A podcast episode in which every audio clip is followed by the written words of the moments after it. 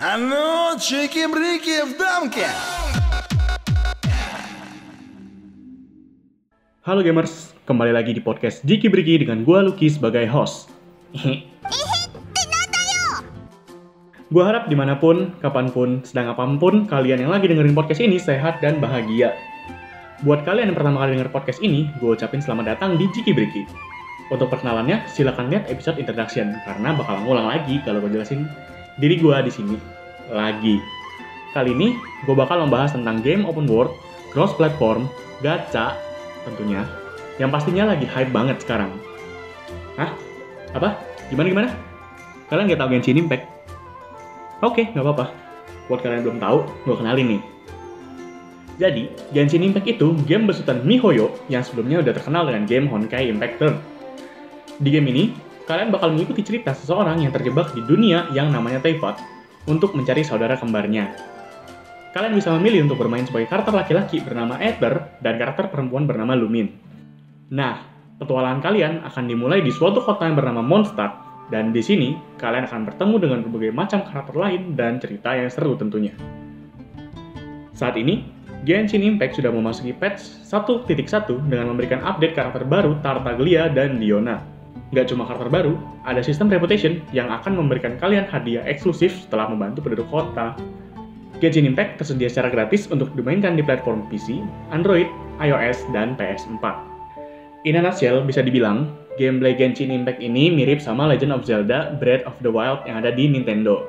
Tapi tentunya MiHoYo udah memberikan poin-poin yang unik supaya nggak kelihatan persis dengan Breath of the Wild.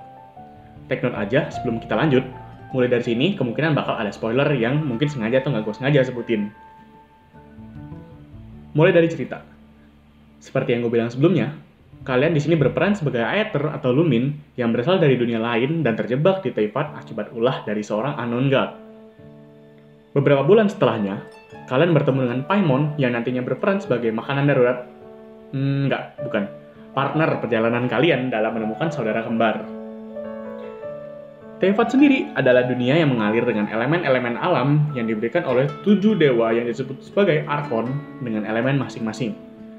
Tujuh elemen ini adalah Anemo atau angin, Geo atau tanah, Elektro atau listrik, Dendro atau tumbuhan, Hydro atau air, Pyro atau api, dan Cryo atau es.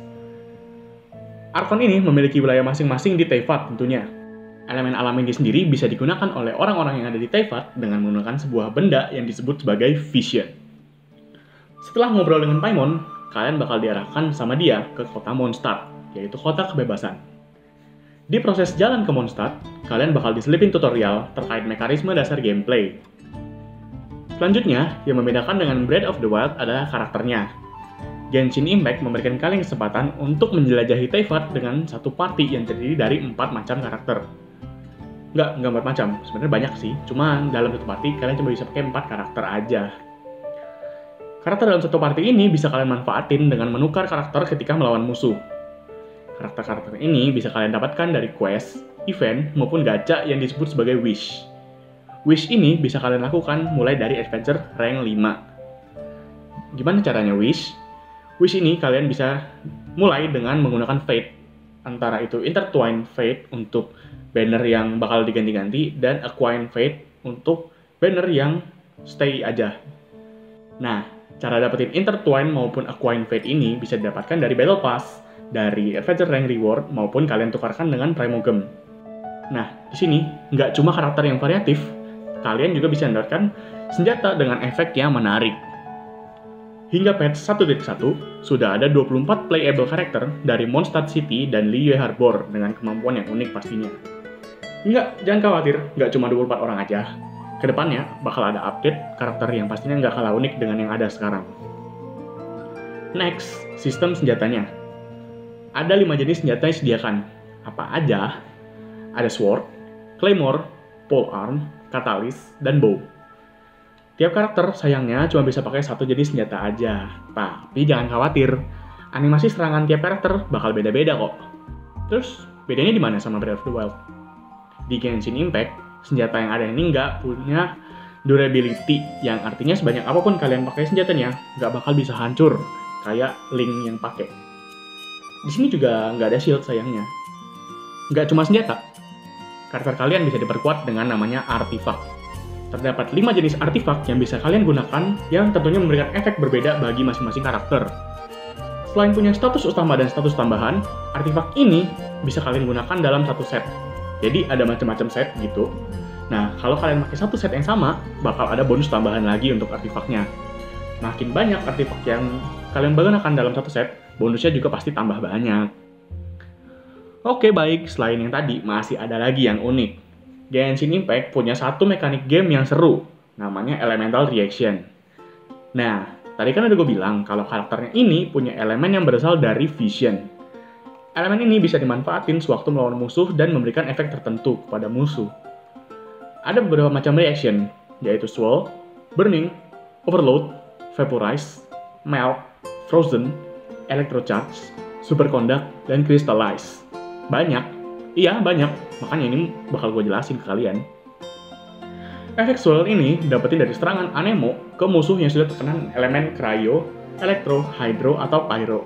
Satu aja, gak harus semua. Hasil dari swirl ini adalah musuh bakal kena serangan elemen sesuai dengan elemen yang dimiliki sama dia, dan efek elemen ini bakal menyebar ke area lain. Misalnya, gue menyerang musuh yang memiliki elemen Pyro dengan elemen Anemo Nah, nantinya efek sural ini bakal memberikan damage pyro ke arah musuh dan area of effect dari pyro ini bakal menyebar ke musuh lainnya. Selanjutnya ada efek burning yang bisa muncul ketika kamu menyerang musuh dengan elemen dendro yang nantinya efeknya bakal memberikan damage over time elemen pyro atau api. Selanjutnya ada overload. Overload ini muncul ketika menyerang musuh yang memiliki atau terkena serangan elemen elektro dengan elemen pyro tentunya. Hasilnya adalah nantinya bakal muncul ledakan yang bakal menyerang musuh di sekitarnya dengan elemen pyro. Jadi bakal ada serangan area of effect dengan elemen pyro. Next ada vaporize. Vaporize ini muncul ketika berhasil menyerang musuh dengan elemen pyro dengan elemen hydro atau sebaliknya. Jadi hydro ke pyro. Hasilnya adalah bakal muncul peningkatan damage elemen serangan ke musuh. Mirip dengan Vaporize, lalu ada efek Melt yang bereaksi dengan Pyro dan Cryo. Efek Frozen muncul ketika musuh dengan elemen Hydro diserang dengan elemen Cryo dan sebaliknya. Hasilnya adalah musuh akan beku. Status Frozen ini bisa hilang dengan efek Shatter yang muncul dari serangan fisikal dengan damage yang tinggi ke arah musuh. Ada lagi yang namanya Electrocharge. Reaksi ini muncul ketika menyerang musuh dengan elemen Hydro dengan elemen Elektro atau sebaliknya elektro ke hydro. Hasilnya adalah musuh bakal tersetrum listrik dan bakal menyebar ke musuh sekitarnya yang punya status electrocharge juga. Nah, selain kena damage, musuh yang kena electrocharge juga bakal menerima stun setiap terkena efeknya. Lalu ada lagi yang namanya superconduct. Mirip dengan overload, tapi serangan areanya punya elemen cryo. Superconduct muncul dari hasil nyerang musuh dengan elemen cryo dengan elemen elektro atau sebaliknya. Tapi nggak cuma serangan area, musuh yang kena super conduct bakal kena physical damage yang lebih tinggi selama efek berlangsung karena physical resistance musuh akan berkurang. Terakhir, ada yang namanya Crystallize. Bedanya dengan reaksi lain, Crystallize ini fungsinya defensif. Dengan memberikan serangan elemen Geo ke musuh dengan elemen Cryo, Elektro, Hydro, atau Pyro, sekali lagi, ini satu aja nggak harus semuanya, nantinya akan muncul kristal di sekitar area musuh. Nah, nantinya kristal ini bakal memberikan shield ke kalian yang bakal menyerap damage dari musuh. Sedikit lagi tambahan, ada lagi yang namanya elemental resonance. Gunanya apa? Nah, jika party kalian berisikan karakter dengan elemen yang sesuai dengan syarat tertentu, bakal ada tambahan efek lagi buat party kalian. Efeknya sendiri bisa kalian lihat di party status. Gimana? Udah mulai pusing? Nggak apa-apa. Kedengeran doang kok ribet. Nanti kalian juga bakal paham sendiri sama elemental reaction. Sampai sekarang, gue baru main di Adventure Rank 39 di World Level 4. Nah, karakter yang gue pakai sendiri adalah Clay sebagai DPS, Barbara untuk healer, Bennett dan Visual untuk support. Untuk story sendiri, sekarang gue udah selesai dan saat ini tentunya gue masih menunggu update story selanjutnya. Kerjaan gue ya sekarang cuma level aparator sama hunting artifact. Ya sama berburu bos lah, biar nggak gabut strategi yang gue pakai sih sederhana aja. Nah, buat kalian awal-awal, fokus ke story dulu aja. Jangan terlalu pusingin set artifak. apalagi kalau world level kalian masih rendah. Mengapa demikian? Karena hadiah artifak di level kecil itu masih biasa aja. Nah, nanti ketika adventure rank kalian udah naik, baru bisa cari artifak yang lebih kuat. Next, jangan lupa selesaiin daily commissions supaya kalian cepat naik level tentunya. Terus, jangan pernah andalin monster yang spawn di dunia sebagai sumber level up karakter, karena experience point yang dikasih karakter, nggak, sorry, yang dikasih musuh tersebut kecil banget. Manfaatin item buat level up. Dapatnya dari mana? Dari quest, commissions, buka chest, selesain puzzle. Lalu, manfaatin PT rate gacha untuk karakter yang kalian pengen. Apalagi itu PT rate, coba. Nah, PT rate ini sistem gacha di Genshin Impact yang bisa memberikan kalian karakter bintang 5 ketika kalian sudah 90 kali roll dan nggak dapet karakter bintang 5. Sedih, sedih ya, banyak banget resource-nya. Gue juga kayak gitu, udah buat dapetin clay. Mengapa kecil banget kayaknya susah banget kalian dapet bintang 5 jadi rate bintang 5 di Genshin itu kecil 0,6% doang jadi ya dari 100 kali roll kalian tuh cuma punya kesempatan 0,6 nggak sampai 1 malah untuk dapetin si karakter bintang 5 nah jadi Mihoyo memberikan kalian semacam kebijakan ketika kalian sudah 90 kali roll yang berarti kalian udah ngabisin sekitar 1600 kali 9 yaitu ya banyak nih pokoknya banyak banget primogem. Nah nanti kalian bakal dikasih karakter bintang 5 sesuai banner tentunya nah tapi karakter bintang 5 ini nggak wajib kalian dapetin tenang aja nggak wajib kok buat flexing doang kalian masih bisa enjoy game ini dengan karakter bintang 4 aja toh karakter bintang 5 gue cuma klik kok yang dapat dari Wish selain travel tentunya. Nah, kalau kalian merasa kesusahan melawan musuh, tahan dulu world levelnya. Buat naik ke world level sekian, itu bakal ada ascension quest untuk membuka world level ini. Yang pertama itu ada di world level 3. Nah, karena terkunci, uh, gue bisa saranin kalian boleh naikin dulu level karakternya. Nah, jangan lupa ascend karakter kalian kalau levelnya tuh udah mentok di level-level tertentu kayak 20, 40, 50 dan selanjutnya. Nah, jika dirasa udah kuat, boleh lagi jalani Assassin's Quest supaya kalian bisa menemukan hadiah yang lebih bagus di dunia kalian. Terus, gue udah ada mid late game nih. Apa yang harus gue lakuin? Ya, bebas. Boleh kayak benerin artefak kalian. Yang gue maksud dari benerin adalah kalian perhatiin main status dan sub status yang ada di artefak kalian jadi, main status dan sub status dari artefak ini kan beda-beda dan bakal tergenerate secara random. Karakter kalian ini punya spesialisasi tertentu untuk status-status yang bakal digunakan. Misalnya, Barbara itu punya trait healing berdasarkan max HP Barbara. Jadi, kalian harus bisa cari artefak yang punya status buat nambahin max HP dan healing bonus. Juga set artefak yang sesuai supaya Barbara kalian makin kuat healingnya. Terus di contoh lain ada Clay yang punya trait bakal kasih party kalian energi untuk elemental burst ketika sukses kasih critical damage ke musuh. Nah, di sini kalian tentunya bakal cari artefak yang bisa ningkatin critical rate clay dan tentunya pyro damage karena serangan clay pada dasarnya adalah serangan berbasis pyro. Terus perhatikan juga role yang bakal kalian gunain ke karakternya. Ini fungsinya untuk level up talent karakter supaya makin efektif pas digunain.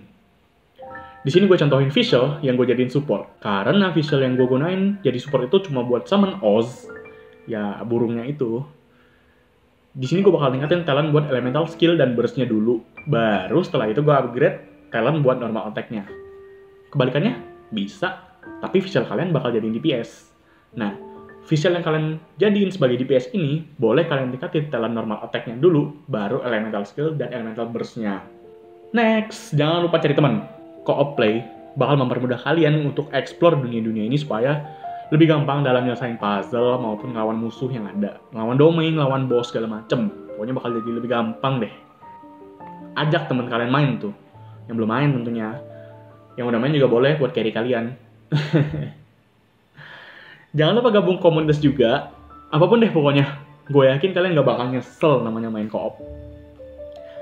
Terakhir nih, buat kalian jangan khawatir soal kehabisan story karena Genshin Impact masih ada di tahap awal banget buat ceritanya. Saat ini kalian baru bisa explore area monster dan Lie. Nah, buat update selanjutnya, bakal ada area baru yang namanya Dragon Spine. Dragon Spine ini isinya adalah pegunungan es yang tentunya bakal ada monster yang beda dari monster dan Lilie. Setelah Dragon Spine, nanti juga bakal ada area-area lain kayak Inazuma, Sumeru, ataupun Snitchinaya dan masih ada area lainnya tentunya. Oke, segini dulu buat konten pertama.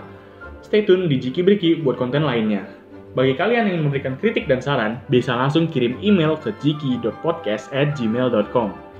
Jangan lupa kasih tahu teman kalian soal podcast ini ya.